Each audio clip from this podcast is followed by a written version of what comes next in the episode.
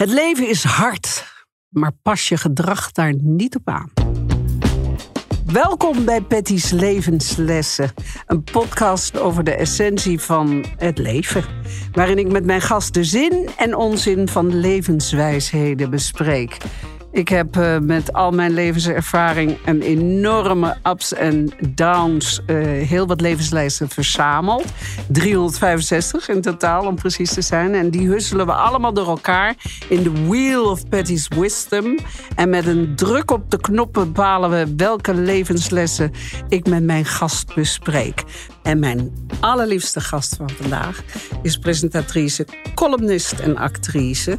Bovenal, geloof ik. Ja.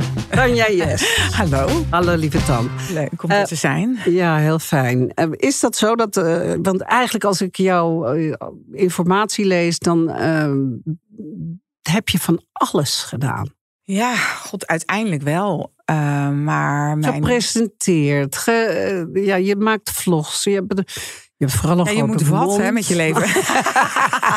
maar aan de basis actrice. Ja, ja, dat is wel mijn, mijn, mijn grootste passie altijd geweest. En dat was mijn grote droom, ook als klein meisje, om later actrice te worden. Dus. En dus ben je naar school gegaan? Ja, ik heb wel wat omweggetjes genomen. Voordat ik uh, mijn draai had gevonden denk dat ik, ik, ik had me wel aangemeld op alle toneelscholen hoor. Na, uh, toen ik eindexamen deed op middelbare school. Maar toen op het laatste moment durfde ik niet meer, denk ik. En ik, ik had mezelf wel allemaal hele goede redenen gegeven om, om uh, niet naar die toneelschool te gaan. Zo van ja, we doen werkeloos en uh, een acteur. En, moet je maar wachten tot je een baantje of een rol krijgt en zo. En, en ben toen allerlei andere studies gaan doen die ik allemaal niet heb afgemaakt. En uiteindelijk toch. Uh, ik ben eerst naar de Hooghotelschool gegaan in Scheveningen. Dat is wel een goede studie. Een jaar en drie maanden gillend vertrokken. Toen ben ik, uh, ja, ik was doodongelukkig. Ik ging echt met spastische darmen ging ik daar weer weg. En uh, toen ben ik communicatie, nee, sorry, psychologie gaan studeren, twee jaar in de UvA. En toen nog een jaar communicatiewetenschappen. En toen ben ik weer een toneelopleiding gaan doen uiteindelijk. En dat nou ja, de rest is toch waar ja. het niet gaan ja. kan, hè? Heb jij iets met uh, levenslessen? Nou, dat is wel grappig, want mijn vader, die heeft precies daarover, um, zei hij op een gegeven moment tegen mij, dan weet je, uh, je, er zijn meerdere wegen naar Rome. Je kan uh, heel snel die snelweg pakken en dan gas geven, dan vol gas recht op je doel af en dan ben je heel snel gearriveerd. Of je gaat dat bergpaadje op met alle hobbels en vage zijwegen en weet ik veel beken die je moet, of, of zelfs rivieren die je moet overbruggen en hekken die dicht zijn waar je onderdoor moet of overheen. En, en, noem allemaal maar op. En dat is een uh, wat langduriger pad. En dat heb jij klaarblijkelijk genomen met al die verschillende studies. Maar dat is helemaal niet erg, want dat pad is misschien duurt veel langer voordat je bij je doel bent. Maar het is wel het pad wat je de meeste kansen geeft om van alles nog wat te leren. Is ook zo, maar ik heb wel ik, in, in, in uh, die 365 levenswijsheden staat er bij mij ook eentje van focus on your goal. En als je van Amsterdam naar Den Haag neemt, uh, moet, dan, dan, dan kan je ook via een snelweg. En ik uh, heb best wel een beetje spijt van de vele zijwegen die ik heb genomen. Ja, en, en dat zegt mijn vader dus, die helaas 2 oktober jongsleden is overleden. Oh. Maar die zegt, moet je helemaal geen spijt van hebben. Want al die zijwegen, die hebben jou gebracht waar je nu bent. En die hebben je gevormd tot wie je nu bent. En die hebben zoveel geleerd. Dus je wat je al eigenlijk... aan je introotje zei, ook al die deep downs en, en die dieptepunten, die, die hebben jou ook uh, die uh, ja, extra laag gegeven als mens die jij nu hebt. En ja, wat is je doel? Uh, ja, succesvol worden of whatever. Ja. Nou ja, dat Gaat het daarom dat is, dat is, Nee, dat is nooit mijn doel geweest. Eigenlijk weet je pas je doel als je het bereikt hebt. Ja, ik heb dat wel eens gedacht natuurlijk. Dan wilde ik een hele beroemde en gevierde actrice worden en weet ik veel wat allemaal. En uiteindelijk en dacht ik, ja, in Amerika doorbreken en zo. En uiteindelijk denk je wel eens, ja, be careful what you wish for. Weet je wel, soms heb je ook wensen waar je achteraf ontzettend dankbaar en blij bent dat die nooit zijn uitgekomen. Ik ben net begonnen met de, um, de levenswijsheid. Het leven is hard, pas je gedrag daar niet aan aan. Ja, vind ik een mooie. Um, dat geldt waarschijnlijk voor jou heel erg. Deze. Ja, nou, ik denk ook voor jou. En ik hoorde jou net vertellen, je bent ooit zo'n man opgelicht. Ja, als dat dan... een keer of twee hoor. Ja. ik heb ook de nodige missers op mijn lijstje staan hoor. Pet, we kunnen elkaar een hand geven. Maar Ik heb ook wel eens met een pathologische leugenaar. Oh, Samen zeg, wat een nachtmerrie was dat. Maar als je daardoor, eh, als je dan ook een achterdochtig of verzuurd of, of boos mens wordt, dan heb je een heel ongelukkig leven. En dat wil je natuurlijk eigenlijk helemaal niet. Je wil gewoon, weet je, en ik zeg, daarom zei ik het straks ook. Dat is ook een les natuurlijk. Ja, als iemand je wil oplichten, als iemand je kwaad wil doen, dan kan dat altijd. Dan hoef je niet heel erg, eh, weet je wel, alarmsystemen te installeren, bij wijze van spreken. En heel erg achterdochtig voor te zijn om dat te voorkomen. Als ze het willen, dan flikken ze toch wel. Dus dan ga, blijf ik liever gewoon een open, liefdevol mens die gelooft in het goede. Ja, als je me wil fucken eh, in negatieve zin, ja, dan zal je dat altijd wel lukken. Maar, Maar eh, maar ik ga me is- niet door laten beïnvloeden. Ik ga niet daardoor negatief naar verzuurd mens worden. Nee, dat is ook zo. Want ik heb er ook nog eentje ergens staan. eh, dat je alles kan opspuiten in het leven. Behalve verzuurde mondhoeken. Afgezakte Oh ja, mondhoeken. Die ja. krijg je niet Die omhoog. krijg je niet weg. Nee. Nee, die komen echt van binnenuit hoor. Die komen, ja. ja. Dus het is inderdaad beter om niet te verzuren. Maar ik kan me Het wel. is wel moeilijk soms, vind ik ja, hoor. vind Ik ik vind het soms wel moeilijk. Want soms zijn er wel momenten dat je denkt: dit is zo fucking oneerlijk. Of zo hard, weet je wel. En dan denk je, ja, hoe moet je nou hier weer. Maar uiteindelijk zit het antwoord altijd weer in: ehm, wat kan ik ervan leren? Kan ik hier iets. Kijk, ik denk altijd, maar het leven heeft geen zin, maar je kunt het wel zin geven. Dat is ook een mooie trouwens. Eh, dus laat ik het zelf dan zin geven, zo'n gebeurtenis. Ik had hem liever niet meegemaakt, weet je wat, is niet fijn. Het heeft me heel veel pijn gedaan, maar laat ik het zin geven. En dan kan je daar wel met een goed gevoel uitkomen. Want dan kan je wel denken, ja, maar ik heb daar nu dit en dit en dat van geleerd. Of die en die en die stappen kunnen maken daardoor. En ik had het nog steeds misschien liever niet meegemaakt. Maar ik heb het een positieve twist kunnen geven. Dus kan ik als gelukkig mens weer verder. Maar dan heb ik wel altijd eh, een moment van, bijvoorbeeld met social media. Dan, dan weet je wel dat je dan heel boos of heel verdrietig wordt. Dus dat, dat zijn wel negatieve emoties die je dan weer positief moet draaien. Lukt dat jou altijd? Nou ja, wat ik gemerkt heb, eh, waar ik achter ben gekomen, is dat die, die mensen die zo, zo naar doen op social media, die haters of die, die zo alleen maar bezig zijn steeds met je naar beneden te drukken of te bekritiseren, negatief overal op te reageren. Zelfs dat je iets leuks voor een goed doel doet en dan weten ze er nog iets negatiefs van te maken, weet Ja. je wel. Dat zijn mensen waar eigenlijk die zelf heel erg ongelukkig zijn. Charlie had een keer zo iemand, hè? Charlie die kan heel primair reageren. Die had iemand op. ik hoor jou, Geneke. Het was een understatement. Maar, maar die had eens een keer iemand op eh, Twitter. En die, eh, en die was de hele tijd op de man hem aan het afzeiken, weet je wel. En bekritiseren. En, en Charlie werd, eh, werd behoorlijk pissig ervan. En die dacht, weet je wat, ik ga eens uitzoeken wie deze persoon is. Dus die heeft in zijn tijdlijn gevolgd, gevonden via eh, van Twitter naar Facebook. En uiteindelijk kwam hij op zijn Facebookpagina. En dacht, zo, kip, ik heb je, ik ga je opzoeken ook. Je ga je voor je bek slaan. En hij klikt op die pagina van deze man. En hij ziet een foto van een heel zielig mannetje... met allemaal slangetjes uit zijn neus en aan infuusjes. En het was gewoon een dood, ongelukkig, heel zielige persoon. En daar denk ik nu altijd, als iemand mij weer gaat lopen haten... of het juice-kanaal of noem maar op... dan denk ik iedere keer aan dat mannetje met die infuusjes en al die slangetjes. En dan zie- ik die voor me en denk, ja, dit zijn allemaal dat soort mensen. Maar dat geeft ze nog steeds niet het recht. Tuurlijk niet. En Maar het is heel jammer dat zij dus niet de weg gevonden hebben naar Ja. zingeving. Exact. Het is hun blijkbaar niet gelukt. En misschien heb ik makkelijk praten. Je moet ook maar net het, de persoonlijkheid hebben... die je iedere keer weer een positieve zwengel aan weet te geven. Eh, of de jeugd waarin je dat geleerd hebt. En sommige mensen hebben gewoon en een kutjeugd... en een, een, een beetje slap karakter. En, en, en, en, en. En een kut En, leven. die, en dan lukt het gewoon niet. Ja. En hebben gewoon zoveel shit meegemaakt. En die zijn dan heel boos en zuur. Dus ik, ja, dan kan ik het ook wel een beetje meeleiden... en een begrip voor opbrengen. En denk ik, ja, jij hebt geen... Hoe heeft Charlie dat opgelost? Nou ja, die had hetzelfde wat ik had van... oh god, oh wat, wat. Deze man hoeven wij niet meer te straffen, weet je wel. Ik ga eh, beginnen. Ik was al begonnen, Ja. maar de volgende levensles. Als je het wilt begrijpen, moet je misschien wat beter luisteren. Ja, maar dat is een goeie. Luisteren wij goed genoeg naar elkaar? Nou, daar zit denk ik heel vaak het probleem eh, tegenwoordig ook. eh, niet alleen hoe we luisteren, maar ook hoe we zenden. Dus de manier van communiceren. Er gaat heel veel mis, naar mijn idee. Ik zie voortdurend eh, zie ik discussies zo uit de hand lopen. En dan denk je wel eens van, oh, volgens mij zitten, we, zitten deze twee mensen eigenlijk in hetzelfde kamp. Maar ze verstaan elkaar gewoon verkeerd. En dan worden allerlei dingen getriggerd. En dan worden mensen boos op elkaar. Dat is gewoon heel jammer. En soms denk ik ook, uh, soms hoef je ook iets niet per se te begrijpen om iemand wel in zijn waarde te kunnen laten. Wat vind jij dan van uh, weglopers bij talkshows bijvoorbeeld? Nou, ik vind als je je geschoffeerd voelt, mag je weglopen.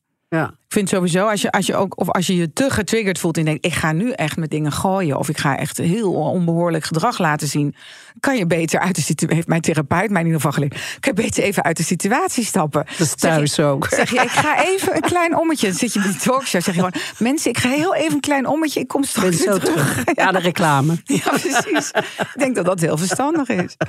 Nee, dat snap ik wel, dat snap ik best. Maar um, je hebt ook wel eens gezegd dat uh, je het heel moeilijk eh, vindt te begrijpen dat uh, mensen zich verzetten tegen veranderingen. En jij bent nogal van de veranderingen. Ja, ik, ik, ik moet zeggen, ik, ik begrijp het wel. Ik snap wel wat er gebeurt bij die mensen. Alleen ik voel het niet zo. Ik, ik, ik ken dat gevoel niet. Dus dat bedoel ik ook met je hoeft niet alles te begrijpen ik, ik weet, ik zie wat, wat, wat de processen zijn. En mensen vinden het vaak heel lastig hè, als dingen veranderen. En schieten ze in paniek, een soort angst. En vasthouden. Ja, ik ben ook niet zo van de verandering hoor. En, uh, en ik vind verandering vaak ook spannend. En alles is altijd in verandering. Alles is voortdurend in beweging. Dat is het hele leven. Dus ik denk, nou ja, een beetje meebewegen. Elkaar, en luister van wat is dan het probleem. En ik denk altijd maar, ja, als het een kleine verandering is. En, en we kunnen met z'n allen weer gelukkig samen feest vieren. Net zoals bijvoorbeeld, ja, jij hint een beetje natuurlijk naar Zwarte Piet. Nou ja, ik hint niet alleen daar naartoe. Ik ben bijvoorbeeld iemand die. Uh, ja, ik, ik, ik ga nu verhuizen. Nou, het zweet. Ik heb al tien keer heb ik die verkoop geprobeerd af te zeggen. Ik, oh ja, ja ik, oh, ik ja. kan daar heel blij van worden. Oh echt? Ja, ik kan echt om de zoveel jaar dus. denken van... moeten we niet nog eens een keer iets heel anders gaan doen? Of moeten we... Jij ja. bent dus een Ibiza verhuisd. Vind ik nogal een stap. Ja. Dat doet ook niet zomaar. Nee, maar ik ben daar niet dan helemaal, weet je Dan hou ik altijd nog één poot uh, ja, hier. En nu uh, dacht ik, we gaan eens kijken of er een huis nog te verkopen is. En toen werd het verkocht. En toen dacht ik, oh nee, het wordt verkocht. Nu ben ik weer bezig met een huis in Almere. Dus ik word misschien oh, wel gezellig. je, je buf. Ja. En dan denken mensen, die vrouw is gek. Maar misschien ben ik wel bang voor verandering, maar vind ik het ook stiekem. Ja, maar jij bent ook wel iemand die van een beetje spanning en sensatie houdt. Je bent niet de type vrouw die zoiets heeft van: oh god, als alles maar altijd hetzelfde blijft. Nee, maar daar, daarom hinte ik niet per se op uh, Zwarte Piet. Ja. Maar uh, ik kan me wel voorstellen dat mensen uh, zich heel erg aan die traditie. Uh, ja, mensen houden zich aan van alles vast. Weet je wel, ik bedoel, mijn, mijn oudste dochter is, uh, ik zeg ook nu dochter, mijn oudste kind is transgender. En Ja. dus die is nu in transitie van jongen naar meisje. Dat vinden ook heel veel mensen heel erg ingewikkeld. En dat ze, ja, moet je zo raar doen. En uh, ik veel wat allemaal. En dan denk ik ook, je hoeft het niet te begrijpen. Niet zo om raar iemand. Ja, het is niet goed bij hun hoofd. En uh, weet je wel, wordt niet serieus genomen. Of wordt afgedaan als een soort ge geestesziekte. En, um, en ik denk altijd, ja, weet je, uh, je hoeft het niet per se te begrijpen om Nee. het gewoon te kunnen respecteren. Wat ik wel heel Het mooi doet niemand vind- kwaad mee. Hè? Dat, Nee. ik, ik vind het nog wat anders dan wanneer je iemand er kwaad mee doet. Kijk, als jij. Ik vind, ben bijvoorbeeld helemaal niet religieus. En eh, ik heb mis het religieuze gen. Ik, ik heb dat gewoon niet. Klaar. Zeg maar. Ik heb ook niet dat ik denk van, oh god, ik moet nu manifesteren. En het universum gaat mij van alles geven. Geloof ik ook niet in. Eh, ik denk gewoon dat je eh, moet focussen, inderdaad, als je iets wil. Of eh, dat dat wel werkt. Maar je hebt ook factoren zoals pech en geluk. Maar ehm, waar wil ik nou heen? Nou, eh, eh, we hadden het over eh, Billy die Alice is geworden. Ja. Alice, toch? ja, Alice. Ja. En die, dat een heleboel mensen dat dan niet begrijpen. Ja, dat die dat lastig vinden. Maar ik wilde ergens heen en ik ben helemaal kwijt. Het is ook zo'n overgangsding, hè? Ja, een soort van dat je denkt... Daar Jezus, ik komen zat op een heel goed lijntje. Ik had een heel mooi... Ik ging het helemaal opbouwen en nou ben ik het helemaal kwijt. maar laat ik je dan nog een vraag stellen. Is dat als, eh, wanneer kwam Alice bij dit gesprek bij jullie? Eh, dat is denk ik Of kwam bij jou? 15, Toen Kwam ze bij eh, jou? Ja, weet je, ik wil nooit zo graag heel erg ingaan op de details. Want ik vind dat is echt haar verhaal. Zeker. En dan moet zij maar vertellen als ze er ooit behoefte aan heeft. Maar ik kan wel zeggen, het was ergens rond haar vijftiende dat ze daarmee naar buiten kwam. Naar ons toe. En hoe dat precies gegaan is en zo. Nee, nee, nee. eh, dat is haar privé. Weet je, als zo lastig als je moeder bent, weet je ook alles van. Ja. Oeh. Ik kan niet zomaar meer dingen. Vroeger kon ik nog columns schrijven over mijn kinderen. Nou, dat kan nou niet meer, hè? Dat, mama, ben je helemaal gek Ja, en geworden. dan worden ze woest. Nee, dus dat, ik moet daar echt eh, voorzichtig, mee zijn. En dus ik spreek me er wel over uit, omdat ik het belangrijk vind dat we dat een beetje normaliseren. En dat mensen het iets beter gaan begrijpen. Hè? Want het is ook een beetje wat de boer niet kent, dat vreet hij niet. Uh, zodat het leven hopelijk ook voor mijn kind uiteindelijk makkelijker gaat worden in dit land en in de wereld. Maar ja, uh, uh, ik, ik, vertel dan gewoon hoe het voor mij is als moeder. Zeg maar. En hoe is het voor jou als moeder? Ingewikkeld. Oh ja? Ja, want ik. Ja, want je doet toch altijd heel. Uh, ja, nee, ik vind het is niet, voor mij niet ingewikkeld dat ze transgender is. Het is voor mij ingewikkeld om mijn kind ongelukkig te zien en mijn kind te zien worstelen en mijn kind te zien zoeken en, en er draai niet kunnen vinden of onzeker zijn. Of ja, alles wat dat hele traject is ook niet mals, hè? Dan moet je eerst aan de hormonen en dan volgen er eventueel operaties, mocht ze dat willen. Het is natuurlijk een heel medisch traject ook. Hè? Het is nog anders dan wanneer je kind zegt: Mam, ik ben gay of zo. Ja, dan, dan ben je gewoon gay. Ben je gewoon gay en er hoef je geen pilletje voor te slikken. Maar voor, als je transgender bent, komt, kom je in een hele medische molen terecht. En dat zijn ook dingen die onomkeerbaar zijn. Dus dat is hartstikke eng. Je, je hebt toch ergens altijd de angst van: ja, maar wat als dit niet is, weet je wel? Wat als ze erop terugkomt? Wat als ze op een dag denkt van, oh nee, toch maar niet. We hebben allemaal stappen gezet die niet meer terug te draaien zijn. Dus het is, het is heel, heel eng. Maar dat wordt goed begeleid, neem ik aan, toch? Ja, maar in hoeverre, weet je wel, mensen denken dan dat er een soort van, uh, van, van uh, gouden test is. En, en als je dan uh, de juiste vragen invult, dan weten we 100% zeker, ja, u bent transgender. Nee, u bent niet transgender. Maar dat bestaat helemaal niet. Wat ik ook, ik heb een keer een reportage gemaakt over de, de transgender zijn mhm. in, in San Francisco. En um, wat, wat ik daar heel frappant aan vond, is dat mensen je voorkeur voor seksualiteit koppelen aan je gender. Ja, dat is dus soms allemaal in de LGBTQ plus hoek. Maar in feite is het natuurlijk iets heel anders. Ja. Het is iets heel anders. Wat is je seksuele geaardheid of wat is je genderidentiteit? Het zijn twee totaal verschillende dingen. Um, maar er bestaat nog zo ontzettend veel onwetendheid over. Ja, maar je ziet nu ook dat de nieuwe generatie heel erg uh, creatief daarmee omgaat. Ze zijn enorm zoekende. Er wordt ook wel gezegd, ja, het is een modeverschijnsel. Nou is ineens iedereen non-binair of weet ik veel, trans. Of... En dan denk ik, ja, dat zijn ze ook toen uh, de homobeweging wat meer van zich liet horen. Er werd er ook geroepen, ja, nou is niet eens iedereen homo en het straks is het besmettelijk en het is een modeverschijnsel. Ik denk eerder dat het er altijd al geweest is en dat er nu meer openheid is en dat kinderen, jongeren zich vrijer voelen om zich daarover uit te spreken. Maar uh, er wordt veel geëxperimenteerd en, en dat is eh, denk ik heel goed en prima en leuk dat die vrijheid er is en dat je dat er niet meteen. Ik vind bijvoorbeeld queer een hele fijne term, omdat, uh, omdat je dan van alles mag zijn. Ja. Uh, dat het niet, zo, het niet zo'n heel klein hokje is waar je dan in moet passen. Maar ik vind wel, uh, ik heb heel veel moeite met dat hen. En, en, en... Het is ingewikkeld, want uh, ja, ik denk in Nederlands het handigste is die en diens. Dat zit eigenlijk al in onze taal. Dus dan zeg je. Uh, um, nou, dan moet je natuurlijk ook zo'n uh, genderneutrale naam hebben. Dus ik zeg even. Nou, wie kennen we die? uh, hoe heet ze? Uh, hij, die, die, sorry. Die presentator. Die van meisje naar non-binair is gegaan. Een meisje? die dat hele leuke programma heeft. Maar die even, Hoe heet hij nou? Help. Er zitten twee van die overgangstypes. Raven, van. Ja, oh. Raven. Oké, dan zeggen we nou Raven. Raven, ja. Raven, die was hier gisteren. En diens zus is, of zo, of diens beste vriend. Dus dan zeg je die en dienst. Dat is eigenlijk in Nederlands best wel heel goed te doen. Maar hen wil dus als hen aangesproken worden. Nee, die. Dan zeg je die. Nee, maar zij. Oh, zie je? Die wil. die, die mag wil, die zeggen. Ah, die wordt als hen aangesproken. Nee, die wordt als die aangesproken. Maar die wil als hen aangesproken worden. Ja, maar die, maar die mag ook volgens mij. Dus hen kan, maar kan, wordt dan als wordt die het dus meer, meer fout. Maar ik, ik denk dat die een veel makkelijkere oplossing is dan hen. Hen wordt als die uitgesproken. Zo Kunt u het nog volgen, mensen de, de, overgangsmoeders. En het is natuurlijk ingewikkeld. Maar weet je, eh, benader het met een beetje humor en speelsheid. En denk, nou, we komen er wel uit met z'n allen. Als we gewoon een beetje respect tonen.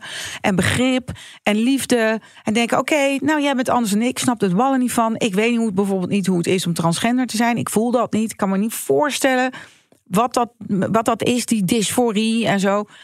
Maar hey, ik hoef het ook niet helemaal te begrijpen om wel gewoon van mijn kind te kunnen houden en haar, en haar te kunnen steunen in, in haar, de richting die ze op. Aan de andere kant is het zo dat ja, je bent een heel uitgesproken type. En dat vind, daar neem ik heel erg mijn petje voor af. Want bijvoorbeeld inderdaad in die Zwarte Piet discussie. ja. ja. maar dan. In 2014, oh my god. Ja, maar toch, iedereen hij blijft wel hoor. Jeetje, Mina. Dat was wel heftig toen in die tijd. Zeker omdat toen uh, nou ja, het grootste gedeelte van Nederland echt nog niet vond dat hij uh, veranderd moest worden. En toen kregen we er wel van langs, ja, dat we ons daarover uitspraken.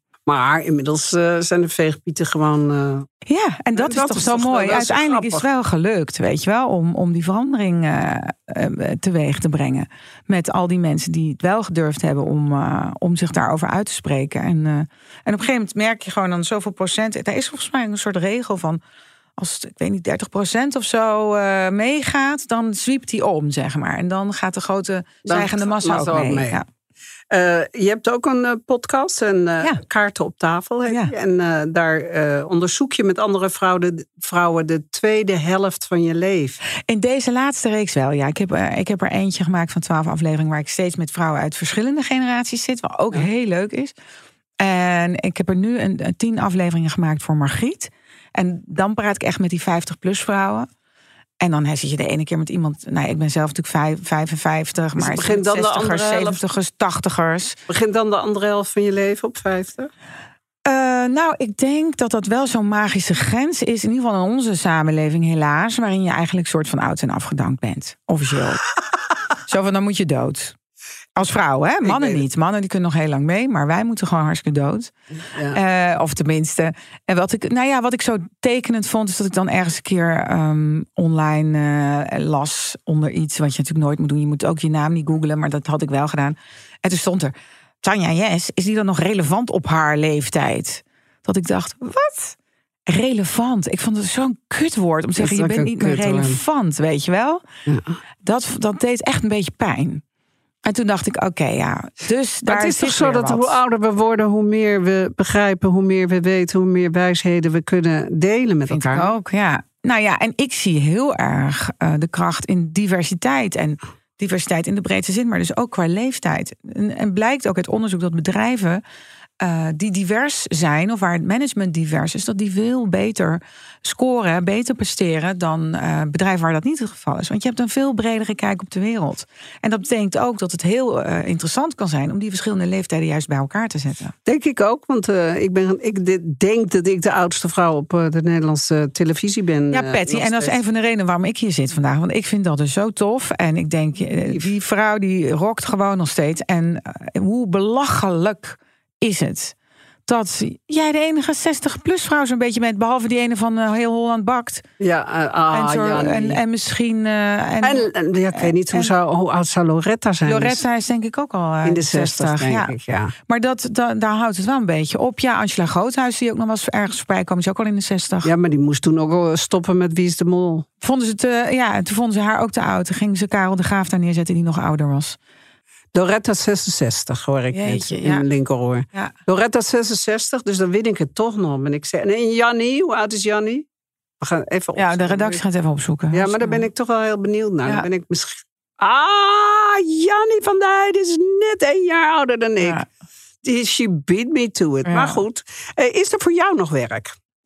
Uh, jawel, alleen uh, niet per se. Uh, qua als acteur is het wel lastig op deze leeftijd, merk ik. interessante vrouwenrollen zijn heel dun gezaaid. Dus de meeste van mijn ehm, collega's, vrouwelijke collega's uit mijn lichting, die zijn allemaal andere dingen gaan doen.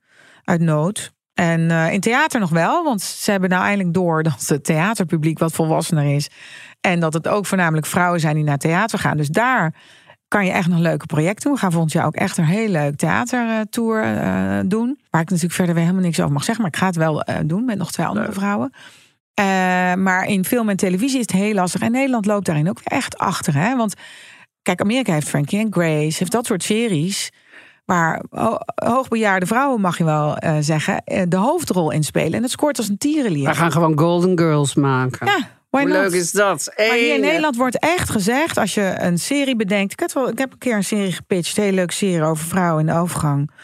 En eh, allemaal vrouwen, vijf vrouwen in de hoofdrol. Er werd gezegd, ja, maar vijf vrouwen in de hoofdrol, dat krijgen we niet verkocht. Ja, maar in de overgang, dat vind ik, daar zijn zoveel dingen over te zeggen. Want wij zijn natuurlijk, eh, behalve dood, hebben wij, mogen wij ook niet meer seksueel aantrekkelijk Nee. zijn. Mogen wij, wij mogen allemaal niks meer. nee, je mag geen seksueel wezen meer zijn. Dat is heel eng. Het is vies als je na ook 50... vies. Ja, ook vies. Ja. Maar eh, ik denk dat daar angst onder zit. Ik denk echt dat eh, met name mannen dat gewoon heel eng vinden. Want mannen, kijk, wij worden, als we door die overgang heen zijn, hè, wij, wij hebben een soort revival seksueel. Maar, die, maar bij de meeste mannen gaat, wordt het natuurlijk allemaal wat problematischer met die prostaatproblemen enzovoort. Dus ik denk dat dat ergens in dit, deze patriarchale staat toch een beetje eng gevonden wordt of zo. En ik kan het anders niet verklaren waarom er zo agressief op gereageerd wordt. Weet je nog toen eh, eh, Patricia In de ja. Playboy stond, was ze ergens in de zestig ook al volgens Ja.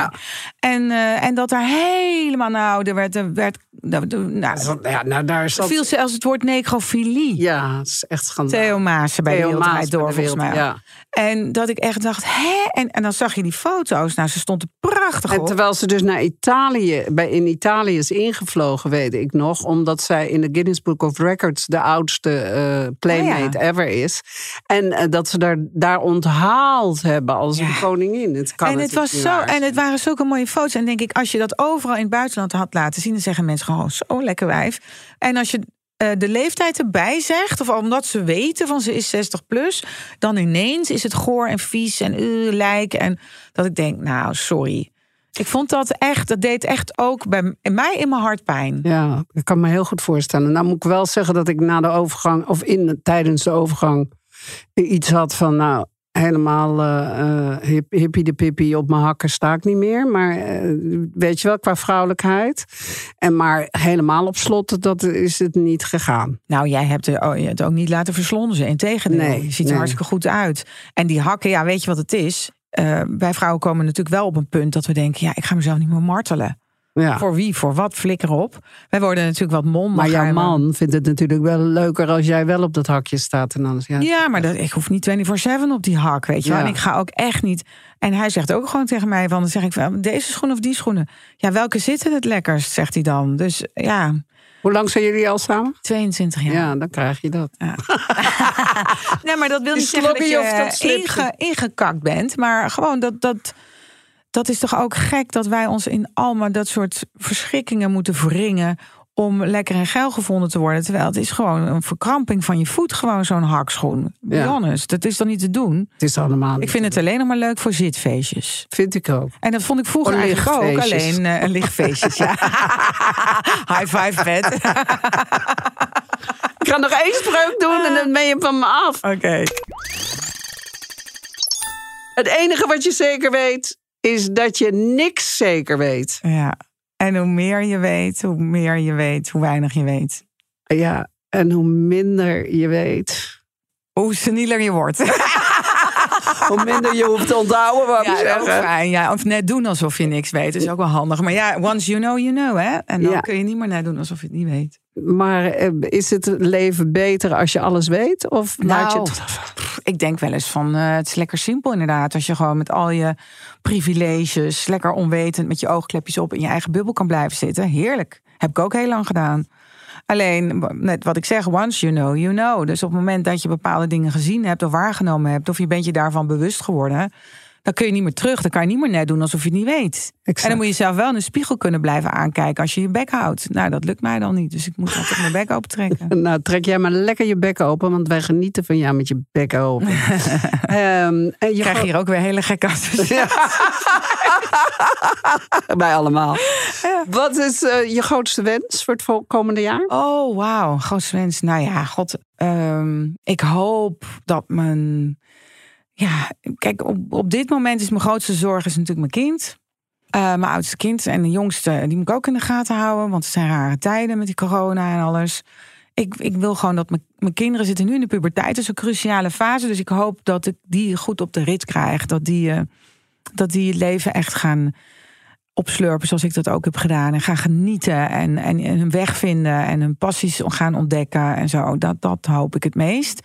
En voor mezelf eh, dat ik gewoon nog allemaal leuke projecten op mijn pad krijg. En dat ik gewoon lekker door mag hobbelen in dit gekke vak. Het is je van harte gegund. En uh, het is zo grappig. Want ik noem het toetjestijd. Jij noemt het uh, de andere helft van je leven. Maar ik voel ook dat ik in toetjestijd leef. Mm. En van je toetje moet je altijd heel erg genieten. Ja. En hard dan, voor gewerkt. Je hard voor gewerkt. Maar dan blijkt toch dat je kind het belangrijkste is. Mm. Ja. Dankjewel, lieve Tanja. Graag gedaan. Veel succes. Jij ook. Je luisterde naar Patty's levenslessen. En in de volgende aflevering spreek ik met Tineke Schouten. Vind je deze podcast nou leuk? Laat dan een review achter en deel hem met je vrienden en familie. Patty's Levenslessen is een tweewekelijkse podcast van Audiohuis. Redactie is in handen van Rachel van der Pol. Opname en montage Lieve Zonderen. Suzanne Tirol doet video-editing. Projectmanagement door Pauline Reinders. En mixage en mastering van Gijs Vriezen. Bedankt voor het luisteren en onthoud dit als je de deur uitgaat. Je kan beter niet tegen de wind in gaan lopen, want als je spuugt, krijg je het zelf in je gezicht.